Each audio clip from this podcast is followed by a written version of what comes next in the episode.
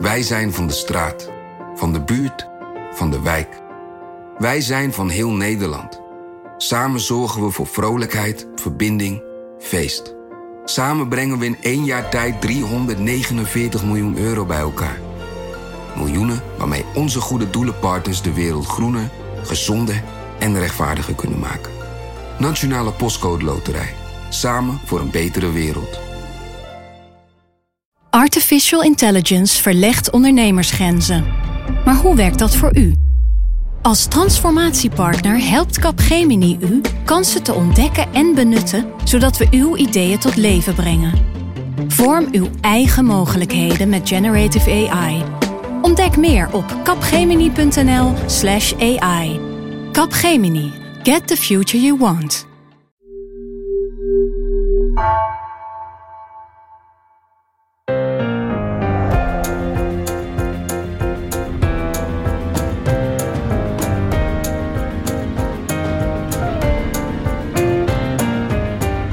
Dit is Haagse Zaken van NRC. Mijn naam is Floor Boon.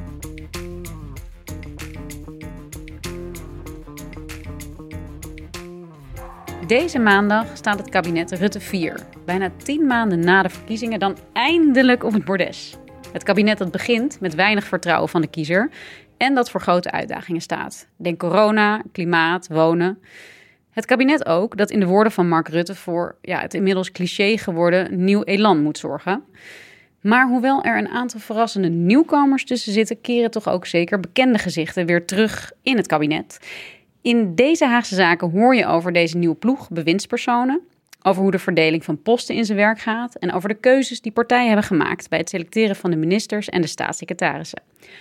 Ook bespreken we het concept van vakminister versus de doorgewinterde politicus die het ene departement ogenschijnlijk gemakkelijk inwisselt voor het andere. Lemia is even een weekje vrij, uh, maar volgende week is ze er weer. En vandaag praat ik met hier in de studio Pim van der Doel. Welkom. Goedemiddag. En op afstand hebben wij Philip de Witwijnen. Goedemiddag. Hi, goedemiddag.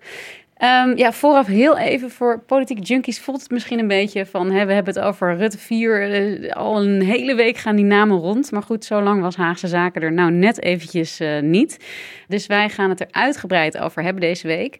En een belangrijke nuancering is ook, we hebben het nu over het nieuwe kabinet, maar officieel zijn dit alsnog de voorgedragen bewindspersonen. De beëdiging is maandag.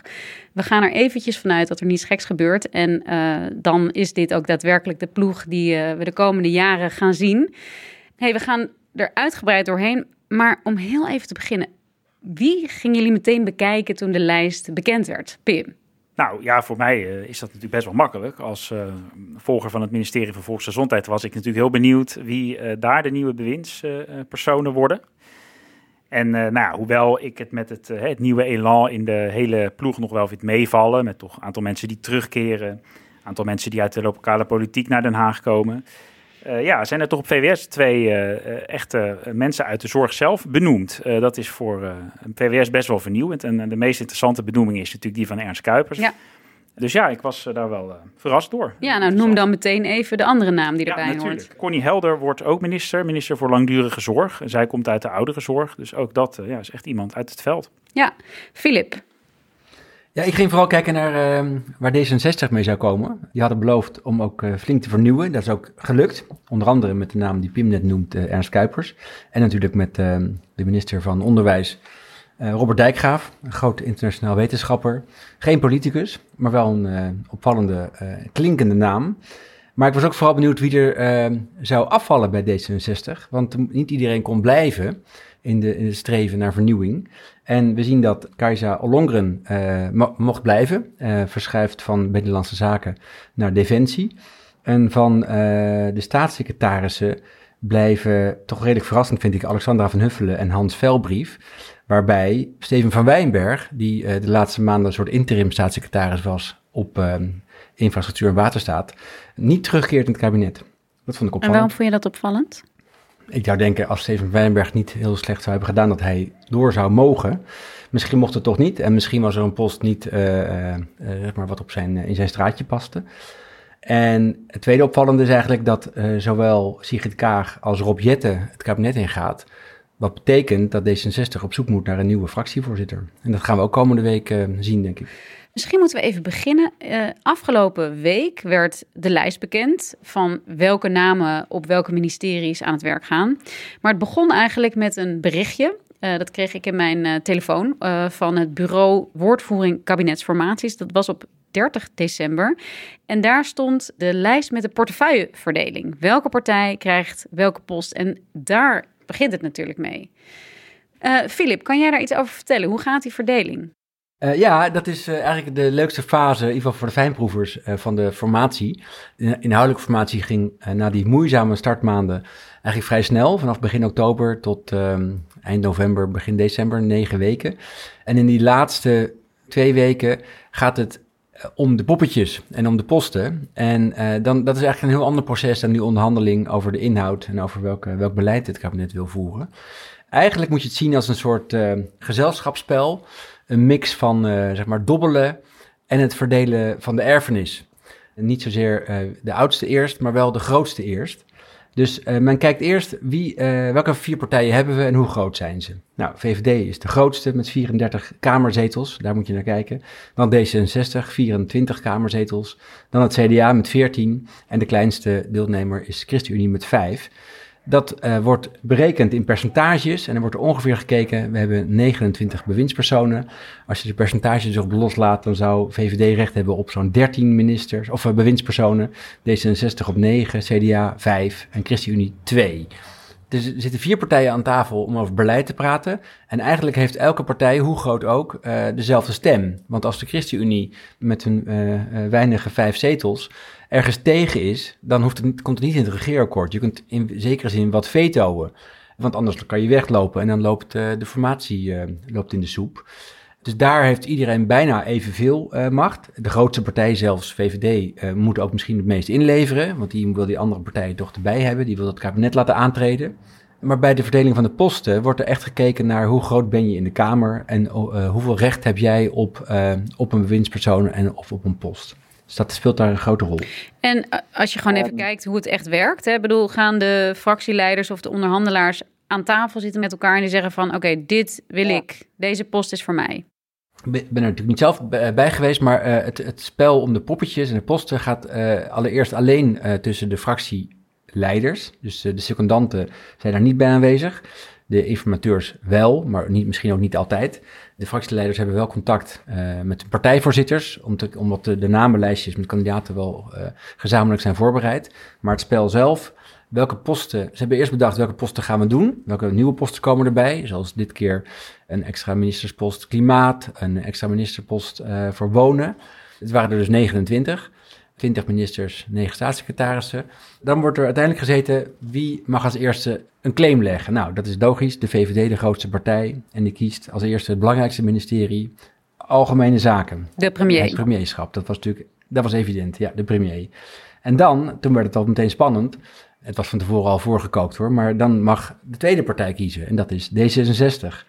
En iedereen weet en vindt het belangrijkste eh, ministerie na het torentje is het ministerie van Financiën. Gaat over het geld en heeft met alle beleid te maken en kan alle andere departementen nou, beïnvloeden, laat ik het zo zeggen. Dus uh, D66 zei, wij willen financiën. En dat vond Wopke Hoekstra, CDA-leider, natuurlijk vrij vervelend, want die uh, is dat al op dit moment en die had dat graag, was dat graag gebleven. Alleen uh, hij is aanzienlijk kleiner, met tien zetels in de Kamer. Um, of tien zetels kleiner dan, uh, dan D66. Dus hij had er geen, uh, geen recht op. het schijnt toch even geprobeerd te zijn, maar Sigrid Kaag zei nee, financiën is voor ons. Zij herinnerde zich nog, ik uit de overlevering, hoe dat vier jaar geleden is gegaan. Toen waren D66 en CDA in zetelaantal even groot, met 19 zetels. De Pechtold van D66 probeerde toen Wouter Koolmees als minister van Financiën voor te dragen. Maar het CDA, CDA-leider Buma toen zei nee, dat, uh, wij hebben hier de claim, want wij ze, hebben 15.000 stemmen meer gekregen als je goed naar de uitslag kijkt van de Tweede Kamerverkiezingen. Dus uh, geen sprake van dat wij financiën uit handen Wauw, wow, dus eigenlijk ook waarschijnlijk een nou klein uh, aantal stemmen meer natuurlijk op dat totaal. Precies. En om die reden zal D66 niet heel makkelijk nu hebben gezegd, uh, meneer Hoekstra, u mag minister van Financiën blijven. Dus dat was, uh, dat was eigenlijk in de eerste ronde waren dat de twee belangrijkste ministeries. Ja, en daarna mocht natuurlijk het CDA kiezen. En ja, zoals we dan nu weten, die hebben gekozen voor buitenlandse zaken, waar Wop Koekstra natuurlijk heen gaat. Is dat een logische keuze om als eerste departement te claimen? Als ik het uh, achteraf bekijk, dan denk ik dat, uh, dat het toch iets anders is gegaan dat ze niet één ministerie hebben geclaimd, uh, maar misschien meteen twee. Kijk, CDA heeft drie best belangrijke ministeries gekregen. Buitenlandse zaken, binnenlandse zaken en sociale zaken en werkgelegenheid. Dat laatste is natuurlijk een heel groot ministerie, heel belangrijk voor sociaal beleid. Er valt het toeslagenbeleid onder, de uitkeringen. In begrotingstermen gaat er iets van 90, 95 miljard euro rond. Dus dat is echt een groot ministerie. Dus ik vermoed dat Hoekstra heeft gepuzzeld, even gekeken wat D66 en VVD verder wilden hebben. En dat hij heeft gezegd, dan krijg ik sociale zaken en buitenlandse zaken en binnenlandse zaken. En hij heeft zelf als tweede keuze, want hij kon dus niet op financiën blijven, heeft hij kennelijk gekozen voor, uh, voor buitenlandse zaken. Dat is op zichzelf opmerkelijk, alhoewel hij heeft best wat buitenlandervaring in zijn werkzame leven. Maar hij is partijleider en als partijleider is het toch lastig om. Ehm, je bent veel van huis als minister van Buitenlandse Zaken. Is het toch lastiger zichtbaar te zijn of bij elke ministerraad aanwezig te zijn? Ja, dat is een beetje wat ze nu zeggen ook hè, over hem. Van als hij uh, veel weg is, is het moeilijk om zijn partij ja, uh, te controleren, erbij te zijn, uh, in te springen op binnenlandse akkefietjes of ja, die hier binnen zijn partij precies. afspelen. Daarnaast uh, heet Hoekstra een family man te zijn. En ik weet niet of zijn vrouw en zijn vier kinderen gelukkig zijn als hij de helft van het jaar in het buitenland verblijft. Kijk, dat zeggen ze meestal over vrouwen, maar hier gaat het misschien een keer op voor een man. hey, maar even, want dit is dus een soort politieke logica. ministeries worden verdeeld met het gevolg dat er dus veel mensen ook terugkeren die we hebben gezien in Rutte 3, maar wel op een andere post. Is het niet ook logisch om mensen gewoon hetzelfde te laten doen dat ze al deden? Nou ja, ik, ik denk dat veel luisteraars zich misschien afvragen. Hè. We zien best wel veel namen terugkomen in dit kabinet. Uh, natuurlijk Rutte, die gaat wel hetzelfde doen, premier. Maar ook Bob Hoekstra, Hugo de Jonge. Nou, Sigrid Kaag is heel even weg geweest weliswaar. Carola Schouten, nog een goed voorbeeld. Dylan Jezugus. Ollongren. Ja, de Kaza Ollongren is ook nog een heel goed voorbeeld. Die komen allemaal terug in het kabinet, maar ze gaan uh, een ander ministerie nu doen. Terwijl dezezelfde vier partijen natuurlijk met elkaar doorgaan. Dit is eigenlijk een doorstart van dit kabinet. Dus je, je vraagt je wel af, is het nou voor de continuïteit op die ministeries zo logisch dat al deze wisselingen plaatsvinden? Kijk, dit is natuurlijk in de Haagse logica, zoals Filip die net mooi uitlegt is het natuurlijk logisch dat uh, D66 als tweede partij dan weer meer wil claimen en bijvoorbeeld financiën wil claimen. Maar ja, je vraagt je wel af, is het nou, zou een minister met plannen en beleid niet beter tot zijn recht komen als hij zo'n klus acht jaar kan doen? Maar ik ben ook wel benieuwd wat Filip daarvan denkt hoor. Kijk, misschien uh, is er ook wel veel voor te zeggen dat je voor de broodnodige vernieuwing met een nieuw regeerakkoord juist weer die wisselingen nodig hebt. En je moet het ook zo zien, continuïteit uh, in Den Haag is vooral gelegen bij, uh, op de departementen bij de ambtenaren. Uh, ministers en staatssecretarissen zijn altijd maar passanten. Die komen, als het mee zit, vier jaar kijken en gaan dan weer door. En ambtenaren blijven zitten. Alhoewel ook ambtenaren een behoorlijke hoge roulatiesnelheid kennen de laatste jaren. Het kabinet wil dat iets, iets meer dimmen. Maar bij een overdracht van bewindspersonen zul je zien dat, dat de topambtenaren er zitten en er ook nog even blijven zitten omvangrijke overdrachtsdossiers uh, formuleren uh, of samenstellen. Dus ik denk dat dat relatief is. Een minister hoeft niet per se de continuïteit op het departement te bewaren. Even een heel klein zijpaadje. Dat vind ik altijd zo fascinerend in bijvoorbeeld de Verenigde Staten. Daar, als er een uh, nieuwe partij aan de macht komt, gaat gewoon het hele ambtenarenapparaat eruit. En dan krijg je gewoon alsof het hele ministerie opnieuw wordt gevuld. Dat kunnen we ons echt niet voorstellen hier in Nederland. Maar goed, even, um, Filip, als je dus nu kijkt naar de benoemingen en, en ook de postenverdeling, kan je terugzien wie van deze partijen ja, het goed heeft gedaan. Wie er heeft gewonnen, om het even in dat Haagse politieke jargon ja. te gieten. Nou, ik denk dat, uh, dat D66 als, als tweede partij toch een paar hele belangrijke ministeries heeft gekregen. Financiën, de bewaker van het geld, met Sigrid Kaag als minister. En ook een belangrijke in het uh, Europese overleg. En dan twee hele grote, belangrijke en kostbare ministeries. onderwijs Cultuur en Wetenschap met Robert Dijkgraaf en Volksgezondheid met Ernst Kuipers. En dan ook nog Uh, dat is de doorgeschoven minister van Middellandse Zaken Ollongren naar uh, Defensie. Defensie is natuurlijk echt een belangrijker departement geworden in deze tijd. Hè? Heel lang was het een beetje, ja. niemand wilde nog echt een krijgsmacht of in ieder geval werd alleen maar op bezuinigd. En nu krijgt Defensie er ongelooflijk veel geld bij. En ziet iedereen ook veel meer het belang van uh, veiligheid. Uh, Nederland moet ook zichzelf kunnen verdedigen. Onze positie binnen de NAVO en zo. Dus defensie is echt wel een zware post geworden. Ja, zeker. En dat moet uh, dan goed gaan doen. die moet dat hele, hele geld dat erbij komt, uiteindelijk 3 miljard per jaar, goed weten te besteden, zodat de krijgsmacht weer op orde komt. Ik vergeet eigenlijk één ander belangrijk ministerie dat D66 heel fijn vindt. En dat is het ministerie voor Klimaat en Energie. Dat wilden ze heel graag. Uh, er is een zeer ambitieus klimaatbeleid uh, in het coalitieakkoord uh, uiteengezet. En dat gaat, moet Rob Jetten gaan uitvoeren. Er komt heel veel geld naartoe. In een bepaald fonds worden er tientallen miljarden voor gereserveerd. En dat is, ja, om de, en de ambities om klimaatverandering tegen te gaan zijn nog eens een keer aangescherpt.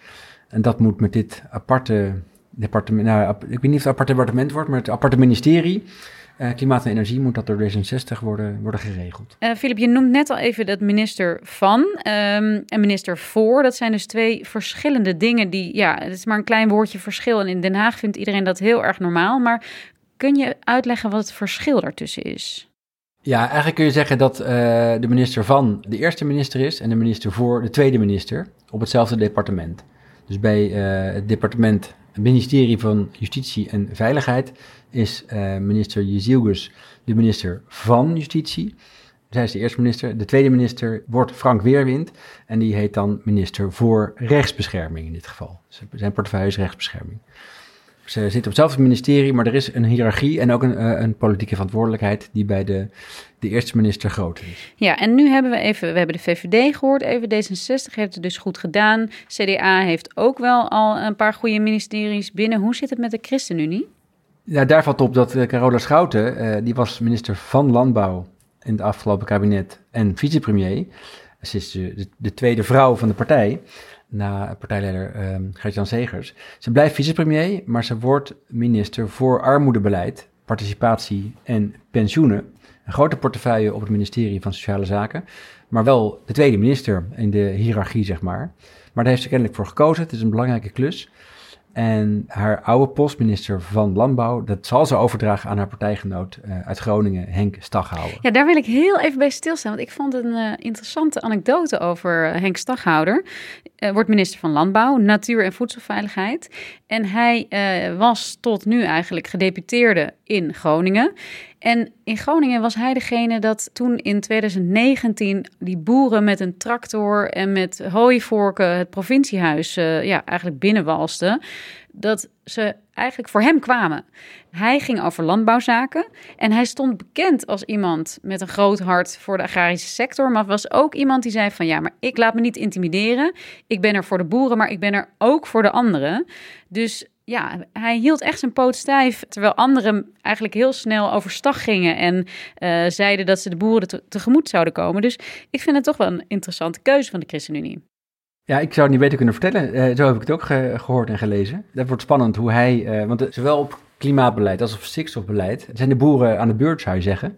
En de ChristenUnie ehm, heeft hard voor de boeren, absoluut, maar wil ook het stikstofdossier oplossen. Dus het is aan hem uh, uh, om dat te doen, aan Staghouwer. Hij weet hoe uh, ja, actief en demonstratief eh, sommige boerenbewegingen kunnen zijn. Dus hij is het gewend, zou je zeggen. En hij heeft toen als bestuurder wel de poot stijf weten te houden. En de ChristenUnie heeft de jongste, levert de jongste bewindspersoon, een staatssecretaris. Ja, dat klopt. Dat is Maarten van Ooyen. Uh, die komt dus op het ministerie van Volksgezondheid ook als uh, staatssecretaris voor Jeugd en Preventie. Ook een portefeuille die de ChristenUnie natuurlijk al deed in het vorige kabinet. Uh, dat was Paul Blokhuis. Nou, die moest dus nu stoppen. Terwijl hij inderdaad heeft aangegeven in een interview met het AD, dacht ik dat hij eigenlijk nog wel had doorgewild. Maar ja, de ChristenUnie wil misschien ook uh, serieus verjongen. En uh, deze van Ooyen is uh, 31. Daarmee is hij ja, een jaar jonger zelfs dan ik. Dus ik ga nou, voor de eerste bewindspersoon volgen die jonger is dan ik. Leuk. En ik vind het wel leuk dat ze, dat ze hem op, je, op jeugd zetten. Zeg maar jong ja, iemand die ook over de jeugd gaat. Heel logisch in dat opzicht. Ja. En, maar hij is voor mij nog een grote onbekende. En hij komt uit ook de lokale politiek voor de ChristenUnie. Ja, onze collega Petra de Koning die schreef wel al dat hij een heel groot talent is. En dat hij zelfs wordt getipt, geloof ik, als mogelijk opvolger van Gert-Jan Segers. Zo, oké. Nou, dan gaan we vast nog veel van hem horen. ja. hey, nog heel even over die, uh, die ministeries. Uh, financiën, Filip, zei jij, is dus heel belangrijk, weten we. Nou, de premier is natuurlijk belangrijk. Uh, buitenlandse zaken is belangrijk. Maar wat zijn eigenlijk andere ja, belangrijke of goede posten om binnen te halen? De ministeries waar het meeste geld in omgaat, zou ik zeggen. En dat zijn ehm, in de volgorde van hoog naar laag. volksgezondheid, sociale zaken, onderwijs, dan de hele tijd niks. En dan krijg je ministeries als uh, Defensie en, uh, en Justitie. Uh, ik kijk altijd naar het geld, maar inhoudelijk is justitie zeker een zware post. dus dat heeft, eigenlijk heeft, dat vind ik interessant wel, heeft Rutte als tweede keuze na zijn premierschap heeft hij gekozen voor justitie en veiligheid. En daar heeft hij er nog bij gekregen, infrastructuur waterstaat en economische zaken. En economische zaken is ook van belang, want de minister van Economische Zaken zit ook vaak, daar wordt ook in de puzzel vaak naar gekeken, goed naar gekeken. De minister van Economische Zaken zit ook in, de, in vele, uh, zeg maar, bilaterale overlegjes binnen de ministerraad. Je hebt allerlei onderrondjes nog tussen uh, bepaalde bewindspersonen op bepaalde gebieden. Zogeheten uh, driehoek of vierhoek of vijfhoek. En je hebt crisisoverleg en de minister van Economische Zaken wordt er vrij vaak bij gehaald. Dus dat is ook een belangrijke post in het, uh, in het kabinet. Oké, dus eigenlijk zeg jij, het, het, het, gaat over het binnenhalen van zware posten, zeg maar. Maar ook nog eens van zit je op een soort scharnierpunten waarbij je genoeg overleg hebt met andere belangrijke ministeries. Dat is uh, van groot belang. En daar is natuurlijk het laatste, laatste twee jaar is ook het corona-overleg bij gekomen. Waar ook niet elke minister bij, uh, bij aanzit in eerste instantie. Dat is ook een, uh, nou ja, ik weet niet of dat dan een vijfhoek heet. Maar het coronacrisisoverleg heeft een apart clubje ministers. En daar zit economische zaken ook bij. En naast het binnenhalen van goede posten, en welke dat worden, zie je ook weer dat er nieuwe posten zijn bijgekomen. Er is ook vooraf al veel over gespeculeerd. Pim, wat zie jij daar? Welke posten zijn er bijgekomen?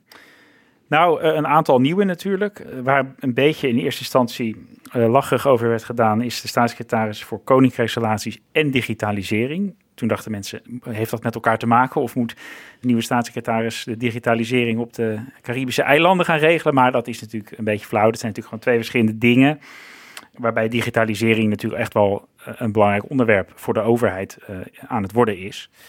Ik kan het ehm, zeggen, ze zijn een beetje ongelijksoortig misschien, maar digitalisering is eigenlijk heel groot. Zeker, nee, maar dat, dat, bij, dat is uh, überhaupt bij Binnenlandse Zaken is dat het geval dat er gewoon heel veel verschillende dossiers ook onder vallen. Dus dat is op zich logisch uh, te verklaren. Ja, wat me ook wel opviel, hè, uh, gezien de grootte van het onderwerp logisch, een aparte staatssecretaris voor de toeslagen. en dat het ook iemand van de VVD wordt, Aukje de Vries. Zullen de slachtoffers van de toeslagenaffaire misschien niet meteen bij staan te juichen dat de VVD dat mag gaan doen maar ik zat ook te bedenken, ja, misschien dat uh, er ook niet heel veel partijen in het kabinet deze klus graag wilden gaan doen. En ja, dat de VVD als grootste partij misschien die verantwoordelijkheid ook wel moest gaan nemen. Ja, we hebben het over gehad over armoedebeleid. Natuurlijk doet de ChristenUnie. Uh, klimaat heeft, uh, heeft D66. Maar we hebben bijvoorbeeld ook wonen, volkshuisvesting. De oude vriend van Pim. Hugo de Jonge. Precies, dat mag Hugo de Jonge gaan doen. Hij wilde natuurlijk dolgraag door op de zorg. Misschien is het toch heel eh, leuk om daar heel even kort bij stil te staan. Ik weet niet hoe het nou helemaal precies in de formatie uiteindelijk gelopen is, maar het lijkt er toch op dat D66, hoewel het natuurlijk een, een moeilijk ministerie is, zeker nu in coronatijd, dat heel graag wilde overnemen. Maar goed, om de jongen te bedanken, heeft het CDA hem toch een andere post natuurlijk aangeboden. De jongen heeft wel eerder gezegd dat hij graag van, dat hij van ingewikkelde dossiers houdt. Dat was ook de reden dat hij zo graag door wilde op, op VWS. Nou goed, één ding is zeker. De jongen krijgt op zijn bordje nu opnieuw een heel ingewikkeld dossier. Want uh, ja, ga er maar aan staan. De problemen op de woningmarkt oplossen. Dat lijkt me minstens zo ingewikkeld als de problemen in de zorg oplossen. Nou, inderdaad, ja. Hey, dan hebben we ook nog een uh, staatssecretaris van Mijnbouw. En in de praktijk is dat eigenlijk het Groningse gasdossier. Dat is gewoon de gedupeerde van uh, in Groningen helpen ook eigenlijk. maar het is ook een beetje explosief. Want wacht ons misschien niet ook een parlementaire enquête daarover? Nou, niet misschien, eh, wel zeker, want die, eh, die wordt al voorbereid en die komt, uh, ik geloof zelfs al het komende jaar, of dit jaar, gaat die komen, die parlementaire enquête naar ehm, het gasdossier in Groningen. De, de, de, vele aardbevingen, de nasleep, de, de schadehersteloperatie die, die hapert. En Hans Velbrief, de voormalige staatssecretaris van, ehm, van Financiën, die heeft er kennelijk voor gekozen om deze ehm, ja, bijna doodlopende klus te aanvaarden.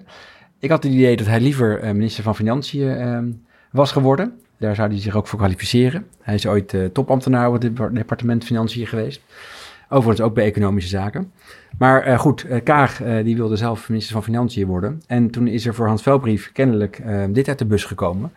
Maar het lijkt mij inderdaad lastig met die enquête, want hij moet politieke verantwoordelijkheid gaan dragen voor de, voor de, de conclusies van die enquête. En die zullen niet mal zijn. Maar Philip, is dit dan ja, gecalculeerd, ingecalculeerd dat Veilbrief dit misschien wel niet hè, politiek gaat overleven? Dat ze hem hiermee een soort van opofferen door hem op deze plek te zetten? Of, of, of, of moet ik dat echt helemaal niet zo zien? Nou, ik zat zelf te denken, maar ik kan me niet voorstellen dat je een baan aanvaardt die, um, die tijdelijk is.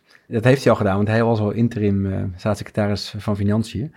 Ik weet het niet. Misschien is me daarna iets moois beloofd. Maar dit lijkt inderdaad een um, staatssecretariaat dat niet uh, vier jaar zal duren. Nou, dat is ook een uh, lekker begin voor Hans Velbrief, zou ja. ik zo zeggen. Maar goed, oké, okay, dit is de mix. We hebben, het is gelukt uiteindelijk. We kregen dat uh, berichtje dat de posten waren verdeeld. En dat weekend daarna kwam eigenlijk eerst, uh, werd duidelijk wie de VVD-bewindspersonen zouden zijn. Toen kort daarna kwam de ChristenUnie met name. En CDA en D66 lieten ietsje langer op zich wachten. Maar even, hoe, hoe werkt dat? Je hebt dus posten verdeeld en dan moeten daar mensen bij worden gezocht. Hoe werkt dat, Pim? Hebben partijen een, eh, een lijst?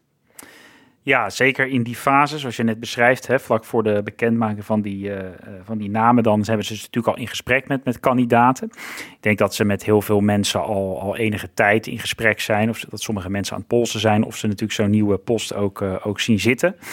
Dat is misschien ook met name interessant bij hè, mensen van buiten, hoe dat bijvoorbeeld in zijn werk gaat kom ik weer even terug bij, uh, bij Ernst Kuipers, de nieuwe uh, minister van Volksgezondheid voor D66, die natuurlijk uh, ja, volledig van buiten de politiek komt.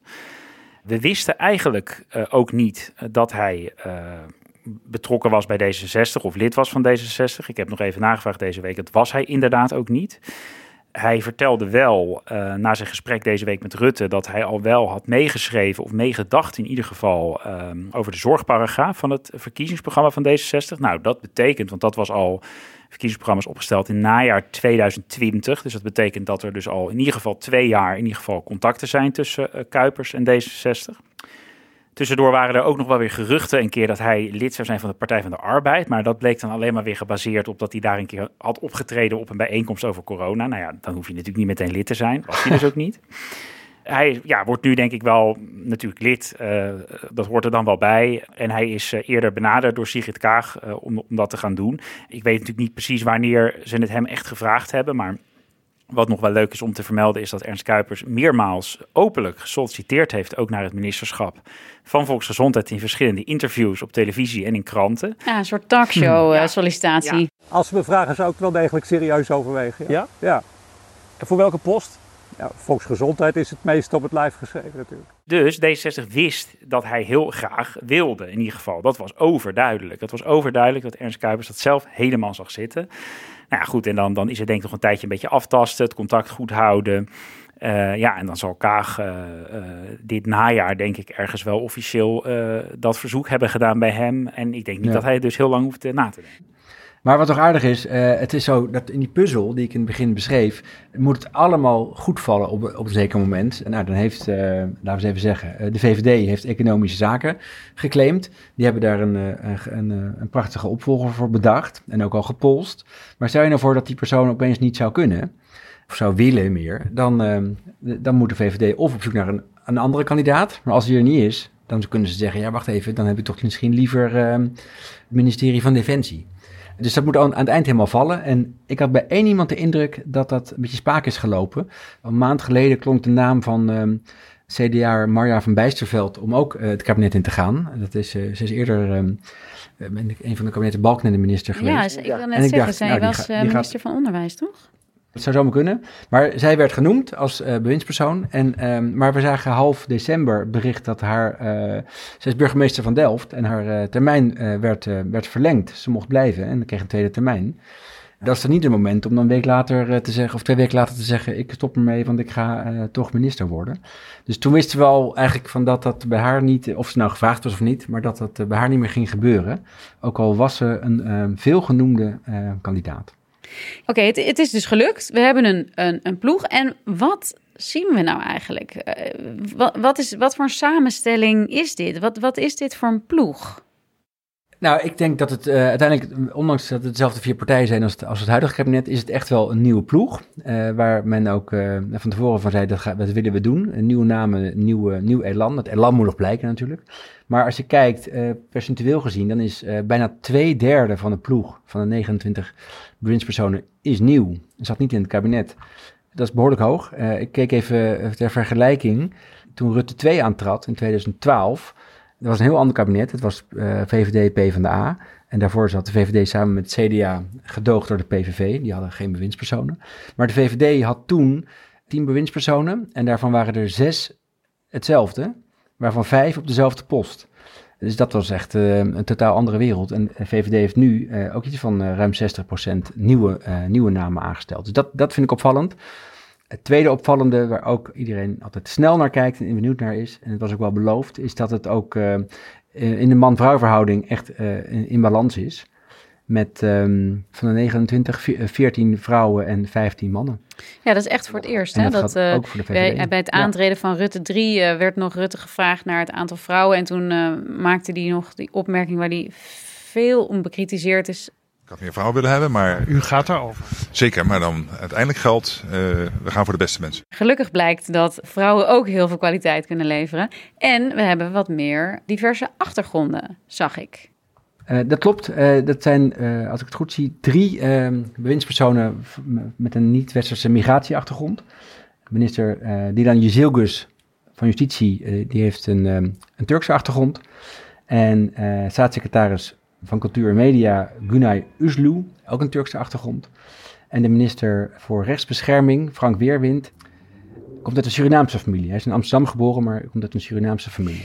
hey, en zijn, er nou eigenlijk ook nog mensen die jullie echt... En je noemde net al even Van Bijsterveld, Philip, maar zijn er andere namen die jullie uh, hadden verwacht... of op basis van de dingen die rondgingen waarvan jullie dachten... die zullen wel terugkomen en die ja, niet in het lijstje zitten? Nou, niet per se terugkomen, maar er was één naam die ik heel interessant vond, die een maand geleden klonk in het CDA. Dat was de naam van Chris van Dam. Die zou uh, uh, al gepolst zijn door Wopke Hoekstra als minister van Justitie. Uh, en hij zou ook wel beschikbaar zijn. dat is de man die anderhalf jaar geleden die, die parlementaire, het parlementaire onderzoek leidde naar de toeslagenaffaire.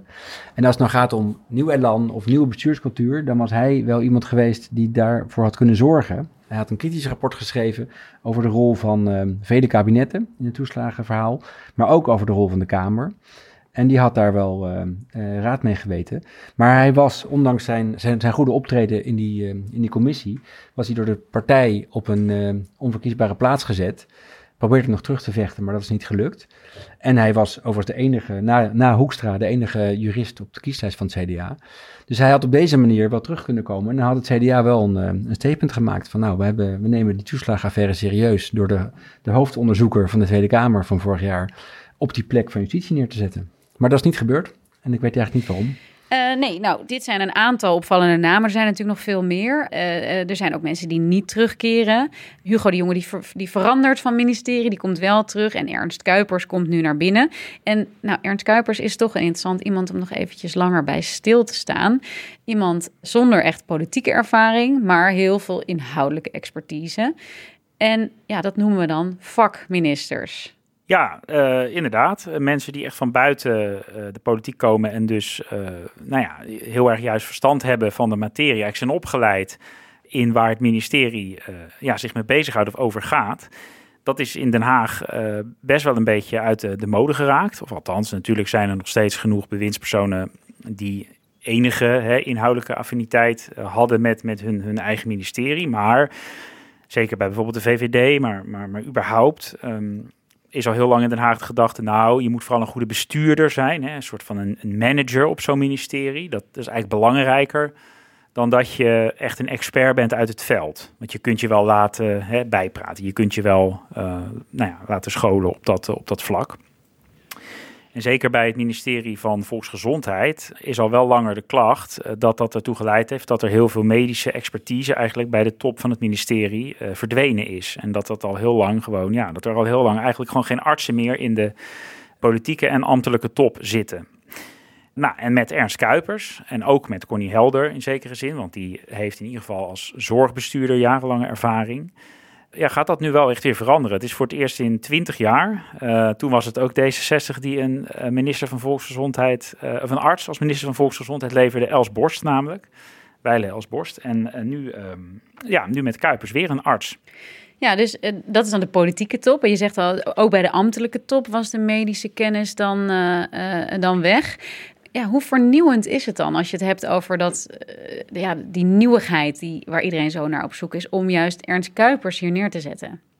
Nou, dat is dus toch wel een grote uh, verandering op het ministerie, denk ik. Uh, kijk, het is een beetje vroeg wellicht om van een echte cultuuromslag te spreken hè, op VWS. Dat, dat is wel, dat is misschien voorbarig. Kijk, Kuipers is nu ook, hè, het is nu voor de eerste arts in lange tijd die weer minister wordt. Dus dat is, dat is zeker van grote betekenis maar ja, hij brengt in ieder geval hè, dus weer die, uh, die, die kennis echt mee uh, vanuit de zorg zelf. Hij, hij is een, een topwetenschapper, iemand met een imposante carrière in de zorg, in de ziekenhuizen. Dus ja, hij, hij heeft natuurlijk een enorme kennisvoorsprong uh, op mensen die minister worden en die helemaal niet bekend zijn in de zorg. Nou, daar was natuurlijk Hugo de Jonge ook gewoon een voorbeeld van. Hè. De jongen is vier jaar geleden begonnen, terwijl hij natuurlijk leraar van oorsprong was. Op een hele andere manier opgeleid. Dus kijk, het verschil is dat zo'n Kuipers nu binnenstapt en vrijwel direct natuurlijk over alle complexe dossiers kan meepraten, omdat hij daar kennis over bezit. En iemand als de jongen moest natuurlijk vier jaar geleden echt helemaal worden ingewerkt en moest de hele zorg nog leren kennen. Dus ik denk dat dat, een, dat is in ieder geval een groot, een groot verschil. En kan, lijkt mij, een groot voordeel zijn om zo'n klus goed, uh, goed te gaan klaren. Ja, want Ernst Kuipers, die is, of nou, was uh, vanaf maandag niet meer, in ieder geval bestuurder van het Erasmus MC, is ook wel iemand die we heel erg veel gezien hebben in de coronacrisis. Het is helemaal geen onbekende, zeg maar. Zeker, zeker. Kijk, Kuipers heeft uh, jarenlange bestuurlijke ervaring natuurlijk al wel. Hè. Hij is uh, sinds 2013 uh, de voorzitter geweest van de Raad van Bestuur inderdaad van het Erasmus MC, het grootste ziekenhuis van Nederland. Dus kijk, hij heeft natuurlijk bestuurlijke ervaring. En het grote voordeel, ook van zijn benoeming nu op VWS, is natuurlijk dat hij inderdaad de afgelopen twee jaar en al een hele grote rol had in de coronacrisis. hij was de voorzitter van het landelijk netwerk acute zorg. Uh, de, de beddenbaas werd hij wel genoemd. Degene die met dat landelijke spreidingscentrum de patiënten over de ziekenhuizen kon verdelen. Dus kijk, hij komt natuurlijk niet, als het om die crisis gaat, komt hij natuurlijk niet eh, binnen uh, zonder dat hij daar al heel veel van weet. En, en eigenlijk al twee jaar met Hugo de Jonge ook in zekere zin het beleid mede heeft vormgegeven. Kuipers was echt een, een belangrijke adviseur ook wel van het kabinet. Dus er is op die manier wel continuïteit. Ja, precies. Want dat is dus wel, hè, iedereen heeft het over nieuw en uh, heel veel kritiek geweest op Hugo de Jonge. Maar goed, er, er, komt dus iemand zo direct te zitten die ook, ja, daar ook onderdeel van was. Belangrijke rol had in dat uh, beleid en nu de nieuwe coronaminister uh, wordt. Wat weten we eigenlijk over hem en zijn opvattingen als het gaat over dat beleid en ook überhaupt over hoe je die zorg moet vormgeven? Ja, nou, dat weten we nog niet precies, want, want hij uh, wilde daar bijvoorbeeld van de week, en dat is denk ik ook logisch, omdat hij nog benoemd moest worden, maar zelf nog niet zo heel veel over zeggen. Hij zei dan van, uh, ja, ik wil echt eraan gaan werken om uh, de zorg voor de toekomst betaalbaar en toegankelijk te houden. Nou ja, goed, dat is wel ongeveer de ambitie van iedere minister wel op, op VWS. Maar wat we wel weten is dat hij wel heel erg gelooft in de samenwerking in de zorg en in de concentratie bijvoorbeeld ook van zorg hè, op, op uh, bepaalde plekken, dus bijvoorbeeld in bepaalde ziekenhuizen. Dus het idee van, hè, van grote ziekenhuizen heeft hij bijvoorbeeld ook als bestuursvoorzitter altijd wel ondersteund. En ja, hij is ook wel kritisch geweest dus op, de, op de marktwerking. Dat, dat zegt dat dat in de ziekenhuizen niet zo goed werkt. Dus in dat opzicht lijkt hij wel ook te passen bij de, nou, het programma van D66, de trend die in de politiek ziet. Dat, dat er in de zorg meer moet worden samengewerkt. Nou, en dat is natuurlijk ook precies een les die uit de coronacrisis wordt getrokken. Maar kijk, wat hij heel concreet uh, van plan is, uh, hè, wil hij de zorg echt gaan hervormen? Gaat hij daar de tijd voor vinden? Uh, of wordt hij opgeslokt door die pandemie? Kijk, dat zijn dingen die, die we nog moeten, moeten afwachten. En ook als het om het coronabeleid gaat, wordt het natuurlijk een interessante vraag. Gaat hij het heel anders doen dan Hugo de Jonge? Of gaat hij toch zijn koers uh, ja, grotendeels voortzetten. Ja, ik weet dat we geen voorspellers zijn hier. Nee, dat is altijd een ontzettende rotvraag. Maar toch heel even, Pim. Wat, Heel klein. Wat, wat denk je? Wat, als je hem ziet en als je naar hem hebt gekeken in die afgelopen jaren, gaan wij, ja, wordt het echt een soort nieuw coronabeleid ook dat we hiermee gaan aantrekken? Of ja, hij tekent natuurlijk ook bij dat kruisje van het coalitieakkoord. Nou, ik, ik denk niet dat er een, een enorme ommezwaai zal komen. Al is het maar omdat hij natuurlijk nu met en naast Rutte het coronabeleid moet gaan vormgeven. Ja, Rutte heeft het natuurlijk, doet het al twee jaar en, en gaat door. Maar goed, hij kan natuurlijk toch, toch wel zijn eigen accenten gaan. Ik denk vooral dat hij, waar hij zich ook het meest kritisch over heeft uitgelaten de afgelopen twee jaar, is dat de besluitvorming traag gaat. Hij had heel veel kritiek op de trage opstart van de vaccinatiecampagne bijvoorbeeld. Kritiek ook op, op VWS, op de jongen kritiek op de gezondheidsraad. Uh, de groep dokters die altijd studeert op de adviezen over de vaccinatiestrategie. Dat duurde hem allemaal te lang. Dus ik denk dat het heel interessant wordt om te letten op of hij inderdaad uh, de besluitvorming gaat versnellen. Of hij uh, een keer denkt, joh, ik ben medicus, ik heb hier ook verstand van. Ik vraag de gezondheidsraad een keer niet, want dan kunnen we eens een keer sneller een besluit nemen. Uh, daar heeft hij op gehind, zeg maar, eerder in interviews, dat hij dat, hij dat frustrerend vond. Dus ik denk vooral dat, het de, ja, de, dat, we, dat, dat hij daar misschien vernieuwing kan brengen. Maar goed, uh, nog heel even misschien. Het moment dat hij nu aantreedt volgende week, midden in een lockdown. Het vertrouwen in het coronabeleid staat op het laagste punt sinds het begin van de crisis. Ja, het is, wordt natuurlijk hoe dan ook, ook voor Ernst Kuipers, gewoon een hele moeilijke, zware taak. Dus we kunnen denk ik ook niet meteen een soort van wonderen van hem verwachten. Nee, vakminister of niet. Wonderen kun je niet verwachten. Hey, nog even kort, want we hebben een andere vakminister uh, die veel aandacht heeft getrokken. De, de, naam daarvan in ieder geval, dat is Robert Dijkgraaf. Uh, gerenommeerd wetenschapper. Ja, eigenlijk vrijwel niemand die echt iets op hem aan te merken heeft. Filip, wat denk je van hem? Hè, wat is de verwachting van zo'n zwaar gewicht op het ministerie van Onderwijs? Nou, ik denk dat D66 heel bewust heeft gekozen, één, voor, voor het departement en twee, voor deze uh, naam. Omdat uh, in de afgelopen vier jaar met Ingrid van Engelshoven is de reputatie wel wat aangetast tussen uh, nou ja, het, het hoger onderwijsbeleid en, en de universiteiten bijvoorbeeld en de wetenschap. Er werd geld verschoven van uh, de sociale wetenschappen naar de beta's. En dat, dat was een operatie die veel te snel ging en veel te onderdacht in de ogen van de universiteiten. Dus van Engelshoven had uh, heel vrij snel een, een, een geen goede reputatie. En Dijkgraaf is, uh, is een, geweldig klinkende naam in de wetenschappelijke wereld, zowel in Nederland als in het buitenland. Dus uh, hij staat er goed op bij de universiteiten. En hij moet dus eigenlijk een beetje aan reputatiemanagement doen om dat te repareren. En er wordt ook flink geïnvesteerd in het, uh, zowel het hoger onderwijs als in, de, als in innovatie, in de wetenschap. En dat is aan hem en dat is, dat is ook een stuk makkelijker. Maar ik, uh, dus eigenlijk denk ik dat D66 hiermee twee, uh, twee dingen tegelijk wil Wat bij D66 aan de ene kant opvalt, is dat zij zoveel mensen van buiten hebben gehaald. Maar als ik nou naar die lijst kijk, dan zie ik juist bij de VVD dat zij ja, misschien wel het andere hebben gedaan, is heel veel mensen van binnen hebben gehouden. Mensen die zich loyaal hebben getoond aan de partij. Ja, zeker. Maar dat is ook iets wat je echt al jaren ziet bij de VVD. Het viel mij de afgelopen ja, twee kabinetten van Rutte al op dat als er mensen moesten worden vervangen, dat we iedere keer uh, dezelfde mensen weer terugzagen. Ik bedoel, ik weet niet of jij nog weet dat je hoofd voor hoeveel verschillende ministeries Stef Blok heeft gehad en wat zijn laatste ministerie was. Oh, inderdaad. Hoeveel, Ik, zou het, ik zou het je niet kunnen vertellen. En dat, Henk Kamp. Henk Kamp is ook nog een goed voorbeeld. Dat zijn allemaal van die mensen die steeds werden teruggevraagd. Nou, die zijn overigens wel allebei nu weg. Die komen niet terug in dit kabinet. Je weet nooit, hè? Nou ja, precies, want er gaan er vast wel heel veel ministers uh, struikelen. Maar goed, kijk, inderdaad. Uh, kijk je naar namen als Aukje de Vries, Mark Harbers, niet te vergeten, die ook alweer heel veel functies bij de partij heeft gehad. Zo'n. Um, ja, en die is opgestapt in Rutte 3 als staatssecretaris ja, en dan ja. nu weer terugkeert als minister. Zo'n Christiane van der Wal, de partijvoorzitter, vind ik ook zo'n typische benoeming van iemand die, ja, die dan al heel lang en ook daarvoor de lokale politiek heel loyaal is geweest aan de partij. En die krijgen dan zo'n baantje. Ja, dat is toch wel heel erg gebruik bij de VVD. Ja, ik vind misschien is het wel leuk. Christiane van der Wal is dus partijvoorzitter van de VVD geweest. En uh, toen zij dat werd, daar zei ze iets over in een fragmentje. En misschien is het toch wel aardig om dat heel even te laten horen. Ik zie de laatste tijd steeds minder terug van de partij waar ik ooit voor ben gevallen. En dat is de partij waar het biertje na de vergadering net zo belangrijk was als de vergadering zelf. Waarbij we onszelf niet zo heel erg serieus namen, maar de VVD wel. En dat wil ik terugvinden. We zijn de afgelopen twee jaar heel druk geweest met de nieuwe partijstructuur. We hebben statuten, regels, plannen. En ik denk dat het nu tijd is om die plannen en statuten op de boekenplank in de kast te leggen. En er nu weer op uit te gaan. En met hetzelfde energie en het enthousiasme dat we hadden, weer die allerleukste partij van Nederland zijn, maar ook met de beste ideeën voor Nederland.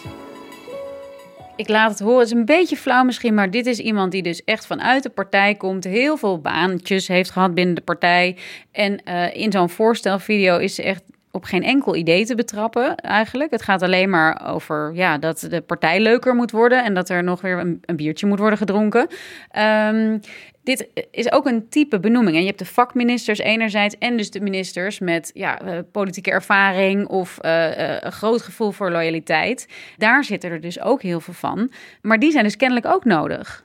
Ja, ik heb gewoon het idee dat er bij de VVD ja, de spoeling gewoon dun is. En, en dat misschien hebben zij ook meer moeite om mensen van buiten te trekken die voor de partij in het kabinet willen. Ja, dat, dat, dat, dat weet ik niet. Maar ja, je vraagt je wel af bij dit soort benoemingen van hè, levert dit nu de beste mensen op die posities op? Um, maar goed, ja, la, laten we ook iedereen die nu begint nog de kans geven. Uh, misschien uh, lijken het geweldige bewindslieden.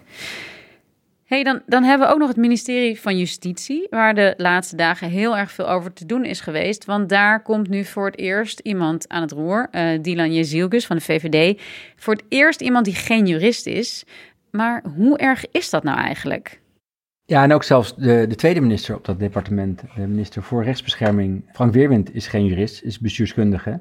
De staatssecretaris Erik van den Burg heeft een keer rechten ge geprobeerd, maar heeft het niet afgemaakt. Uh, dus dat is, uh, en zeker is in, uh, in elk geval een trendbreuk. Bij justitie zitten nu geen um, juristen in de politieke leiding. En dat is nieuw. En hoe erg het is, dat is niet te zeggen. Behalve, ja, het gaat er ook om of, of dan die juridische kennis op het ministerie zelf voldoende aanwezig is. Dat mag je wel verwachten. Waar het wel een rol kan spelen is in het, um, ja, zeg maar het overleg in de treffenzaal. Um, binnen de ministerraad. Allerlei ministers komen met, met, met voorstellen, met ideeën, met, met wetsvoorstellen. En dan is het vaak uh, aan een minister van Justitie om aan de bel te trekken als iets niet gaat. Uh, uh, als iets niet, zich niet verhoudt tot de grondwet of tot de Europese afspraken. Denk aan Piet Hein Donner, voormalig minister van Justitie voor het CDA. Dat was echt juridisch geweten. Die kende het staatsrecht uit zijn hoofd. En die kennis is er nu niet in de ministerraad. En dat kan een probleem zijn. Dan kun je misschien iets te gemakkelijk over, over lastige juridische kwesties heen stappen. Waar dan um, nou ja, later of de Tweede Kamer of de Raad van State of um, of de rechter uh, dan uh, alsnog iets moet corrigeren. Maar dan is het dus eigenlijk, het zeg jij, vooral van belang omdat de juridische kennis in de, in de ministerraad ontbreekt en niet zozeer om de positie op het departement zelf. Als, de, als het ministerie goed georganiseerd is, dan, um, dan is daar voldoende juridische kennis aanwezig. Het is overigens ook zo dat juist de, de, de juridisch geschoolde ministers van de afgelopen jaren, denk aan Ivo Opstelt of Art van der Steur, nooit zonder problemen zaten op het ministerie. Want het departement zelf was, om het mild uit te drukken, nog wel eens een rommeltje op, op veel dossiers. Dus het is ook geen garantie dat het dan allemaal gatjes verloopt. Oké, dus nu is dan bij justitie is het eigenlijk ook voor het eerst dat daar iemand zit die meer politieke ervaring heeft dan vakinhoudelijke kennis. Want ja, op al heel veel andere de departementen zien we dat dus eigenlijk al veel langer. Zie de zorg waar dat nu juist voor het eerst uh, is omgedraaid. Maar over die vakministers nog even kort. Zitten er ook risico's aan als je een vakminister aanstelt, zoals Dijkgraaf en zoals Ernst Kuipers? Pim? Dat denk ik zeker wel, want uh, de politiek heeft natuurlijk toch weer een hele eigen dynamiek uh, hier in Den Haag. Dat is toch nieuw voor een man ook als Ernst Kuipers. Zeker ook een Robert eh, Dijkgraaf. Herr Kuipers, dat hebben we ook eerder benoemd, heeft natuurlijk ontzettend veel bestuurlijke ervaring. Je zou zelfs kunnen zeggen dat het runnen van het grootste ziekenhuis van Nederland en het runnen van het ministerie van Volksgezondheid, dat daar ook echt wel parallellen zijn natuurlijk in hoe, je, hoe dat bestuurlijk in elkaar zit en hoe uh, ja, je, je, je week en je vergaderschema's eruit zien. Er zijn natuurlijk echt wel parallellen, maar de politieke dynamiek, die is toch nog wel weer anders. En bijvoorbeeld voor een toch een redelijk onafhankelijke geest, denk ik, als Kuipers. Uh, ja, die moet zich natuurlijk nu wel gaan bewegen binnen het coalitieakkoord. En rekening houden met uh, ja, dat hij nu namens de vier partijen uit uh, dit kabinet gaat spreken. En hij is ineens uh, verbonden aan een partij. Ja, precies. En hij is natuurlijk lid geworden en actief geworden voor een partij, D66, die waarvan we ook gewoon weten dat hij eh, nogal hechtte aan hè, communicatie, beeldvorming naar buiten toe. Kuipers werd eh, deze week toen hij uh, dus op sollicitatie ging bij Rutte ook begeleid door een van de spindokters uh, van D66. En ik ben dan toch wel heel benieuwd. Hè. Ze, ja, ze hadden eerst een tijdje geloof ik op het partijkantoor gezeten. En ja, dan wordt zo'n Kuipers denk ik nu al een beetje gemediatraind en gebriefd van... Ik vond hem ook opvallend zenuwachtig en voorzichtig, Kuipers. Terwijl ik dat nooit zo merkte bij zijn eerdere optredens als ziekenhuisbestuurder. Wat hij dus nu, nu wel en niet kon zeggen. Dus hij, hij wilde eigenlijk gewoon niet zoveel kwijt enerzijds logisch, anderzijds misschien dat hij al helemaal bezig is. Dus oké, wat mag ik nu wel en nog niet zeggen? Maar ja, je vraagt je wel af, gaat zo'n man zich door zo'n partij nou heel erg laten sturen of, of wil die dat niet? En kan dat dan toch ook nog wel gaan botsen? Dat is wel interessant of, natuurlijk. Ja, zeker. Of kan hij, gaat hij toch een soort van uitglijders maken in de media of in wat hij zegt in de, in de Tweede Kamer? Kuipers was er wel van de laatste twee jaar natuurlijk ook van. Uh, hè, hij was wel van de media optredens en hij deed wel regelmatig ook gewaagde uitspraken uh, waar hij dan soms kritiek op kreeg. Kijk, als hij dat nu weer doet, als hij uh, ja, een soort uitgeleider maakt. Ja, nu is hij niet gewoon de ziekenhuisbestuurder die, die eens een keer, ach ja, iets onverstandigs heeft gezegd. Nee, nu is hij de minister van Volksgezondheid die direct naar de Tweede Kamer kan worden geroepen om verantwoording af te leggen. En natuurlijk namens het hele kabinet spreekt. Dus dat, dat zal voor hem ook gewoon wennen zijn. Ja, ja dat lijkt me ook wel. Filip, zie jij dat ook? Ja, wat een lastige wordt, en dat, dat bleek ook al meteen de afgelopen dagen bij de, zeg maar de, de sollicitatiegesprekken bij Rutte. Uh, de nieuwe staatssecretaris van Financiën, Marnix van Rij, ook al een zeg maar beloonde voorzitter van de partij. Hij was interimvoorzitter bij het CDA. Die man is zelf afkomstig uit de belastingadvieswereld. En waar het kabinet in de laatste jaren uh, behoorlijk uh, werk wilde maken van de aanpak van belastingontwijking, is hij iemand die komt juist voort uit die, uh, ja, uit die advieswereld die Nederland graag fiscaal gunstig wil laten zijn voor internationale bedrijven. Dus het wordt een hele spannende of hij die belastingaanpak of die belastingontwijking aanpak wel wil, wil doorzetten. Ja, je, je hoort het hem al zeggen bij de uitloop nadat hij bij Rutte was geweest wat hij zei over uh, het Nederlandse belastingklimaat. Een strijd gaande om de brievenbusfirma's uit Nederland te houden. Of uit Nederland weg te, te halen. Gaat u die strijd voortzetten? Ja, dat is uh, uiteraard. Want ik gaf het net al aan. Productieve werkgelegenheid hierheen halen is heel belangrijk. Brievenbusvennootschappen, uh, daar heeft Nederland zich aan gecommitteerd. Ook de vorige kabinetten al om dat internationaal gezien aan te pakken. Nee, Nederland is geen belastingparadijs. Dat wil ik hier al heel nadrukkelijk gezegd hebben en zal het ook nooit worden. Uh, belastingen moeten gewoon betaald worden door burgers en door bedrijven. Dat is heel belangrijk om al die ambities en uitgaven die er zijn, ook straks bij het nieuwe kabinet te kunnen financieren. Dit is een uh, fragment van de NOS, maar uh, wat hoor jij dan hier, Filip? Nou, een beetje tegen heug en meug. Kijk, het woordje um, belastingparadijs uh, is uh, besmet. Uh, de belastingadviseurs vinden dat niet, want die vinden dat Nederland gewoon een concurrerend belastingstelsel moet hebben, internationaal gezien. Ehm, dus hij wil dat nou noemen. aan de andere kant heeft de Tweede Kamer een keer een motie aangenomen die wel erkende dat Nederland een belastingparadijs is op gebied van internationale uh, vennootschapsbelasting. En we hebben natuurlijk in Nederland een infrastructuur voor, hij noemt het dan brievenbusmaatschappijen, maar er zijn, je hebt hier de, de, de, de trustmaatschappijen in Nederland die um, ervoor zorgen dat grote internationale bedrijven hier hun hoofdkantoor hebben, zodat ze zo min mogelijk belasting betalen, ofwel hier ofwel in eigen land. Nou, hij, hij, je hoort hem een beetje in de mangel zitten. Hij heeft het ook over, we gaan het zeker aanpakken, maar in internationaal verband. Nederland wil nooit op eigen houtje um, bepaalde fiscale vrijstellingen stopzetten, bijvoorbeeld. Nou, daar, daarover is inderdaad internationaal overleg. Nederland staat er moeizaam en slecht op uh, in veel landen. En hij moet, dat, hij moet daar een modus in vinden. Ik, ik denk dat hij het lastig gaat krijgen in de Tweede Kamer op dit dossier. Ook met collega-partners, regeringspartners, ChristenUnie en D66. En ook in de internationale wereld, waar inderdaad in OESO-verband of in Europees verband Nederland uh, als een belastingparadijs uh, bekend staat. Er komen dus de hele tijd namen langs. We hebben ze lang niet allemaal uh, behandeld. Uh, maar zoveel tijd hebben we ook niet. We hebben nog, ook nog ruim drie jaar voor de volgende verkiezingen zijn. Om al deze ministers en staatssecretarissen uitgebreid aan bod te laten komen. Maar om even mee af te sluiten. Want goed, die posten zijn nu verdeeld. We weten wie het gaan doen de komende jaren. Zaterdag is er nog iets heel belangrijks eigenlijk. Wat niet zoveel aandacht krijgt meestal. En dat is het constituerend beraad. Filip, wat gaat er vandaag nog gebeuren? Ja, dat is eigenlijk uh, uh, zogezegd de, de oprichtingsvergadering van het nieuwe kabinet. De meeste mensen kennen elkaar wel. Rutte heeft ze allemaal gesproken. ze kennen, binnen de partijen kennen ze elkaar. Maar nu zitten ze met z'n allen voor het eerst bij elkaar. Ik denk niet in de Treffenzaal, want die is al twee jaar vanwege de coronamaatregelen gesloten. Ze zullen in, de, in die grotere zaal zitten bij de Ridderzaal, de rolzaal. Daar zullen ze eh, twee dingen moeten doen. Ze, ze, alle individuele bewindspersonen zullen het regeerakkoord moeten omarmen. Ik weet niet of ze ergens voor moeten tekenen, maar ze moeten, zich erin kunnen, ze moeten uitspreken dat ze zich erin kunnen vinden. Zodat ze vanaf uh, komende maandag als, één, als kabinet met één mond spreken. Dat niemand kan daar gaan dwars liggen op, nou ja, op de afspraken die zijn gemaakt.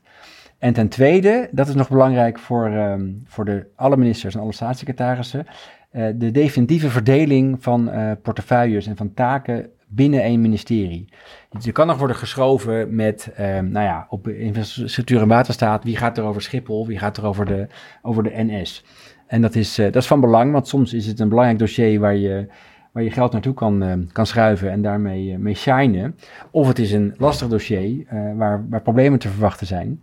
En sommige ministers zijn best in staat, als die dat doorhebben, om de lastige portefeuilles aan hun staatssecretaris uh, door te geven. Die denken dat ze dan belangrijker worden, maar die zullen dan misschien in de komende jaren op grote problemen staan. Het eerste grote politieke gevecht vindt dus eigenlijk vandaag al plaats. Ja, je moet, uh, je moet goed voorbereid zijn en je moet goed opletten, want er kunnen gekke dingen gebeuren. Een historisch voorbeeld is uit 1994, het begin van, uh, van Paars 1 waar Gerrit Salm minister van Financiën werd. En hij heeft in dat constituerend beraad een, uh, een verhaal gehouden over begrotingsdiscipline. Wat iedereen braaf aanhoorde en iedereen knikte braaf. Maar voor ze het door hadden, hebben alle ministers en staatssecretarissen zich vervolgens gecommitteerd aan wat de zalmnorm is gaan heten. Echt een hele strikte begrotingsdiscipline.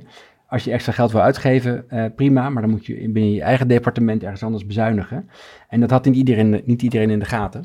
En dat is op die, laatste, op die, op die eerste vergadering uh, uh, besproken en besloten. Dat is wel een mooi voorbeeld. Dan wil ik eigenlijk nog even één klein voorbeeld noemen wat ik las in een stuk wat onze oud-collega Mark uh, Kranenburg heeft gemaakt over het constituerend beraad. En die zei over diezelfde vergadering van Zalm, namelijk dat Zalm als vervent roker het voor elkaar kreeg om daar een besluit over het rookregime af te dwingen. Er mocht tijdens de vergaderingen van het kabinet worden gerookt, maar met mate. Ja. nou, dat zal niet meer gebeuren. Tot allerslot, Pim. Is dit het nieuwe elan dat ons is beloofd? Zien we dit hier staan? Nou, eh, bij sommige mensen misschien wel. Dat zijn echt nieuwkomers. Dat wordt interessant. Verder uh, moeten ze het echt gaan bewijzen om het anders te doen, lijkt me. En, en ik ben heel erg benieuwd. Hè, eh, de coronacrisis overweldigt nog alles nu. Uh, gaan ze toekomen aan al die andere ambitieuze plannen? Uh, er zijn heel veel probleemdossiers die nog gaan dooretteren. Dus nou ja, dat of dat nieuwe elan alleen genoeg gaat zijn, dat weet ik niet. We gaan het zien. Uh, aankomende maandag is de bordesscène. Dan wordt uh, het nieuwe kabinet beëdigd. En als je nog geen genoeg hebt gekregen, luister dan aankomende maandag naar de NRC-podcast vandaag. Want daar is uh, Tom-Jan Meijers de gast, die nog meer zal gaan vertellen over het aanstaande kabinet. Voor nu, dank Filip de Witwijnen en dank Pim van der Doel. jij ook weer bedankt voor het luisteren. Redactie en productie van deze aflevering waren in handen van Ignas Schoot en Iris Verhulsdonk. Montage door Pieter Bakker. En volgende week is er gewoon weer een Haagse Zaken met Lemja. Dank jullie wel.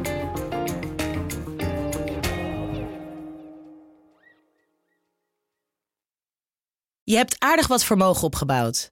En daar zit je dan, met je ton op de bank. Wel een beetje saai, hè? Wil jij, als belegger, onderdeel zijn van het verleden of van de toekomst? Bridgefund is een slimme fintech die een brug slaat tussen de financiële behoeften van ondernemers en van beleggers. Dus wie belegt bij Bridgefund krijgt niet alleen een mooie vaste rente, maar brengt ook ondernemers in beweging. Echt waar, met die ton kan je zoveel betere dingen doen. Bridgefund. Make money smile.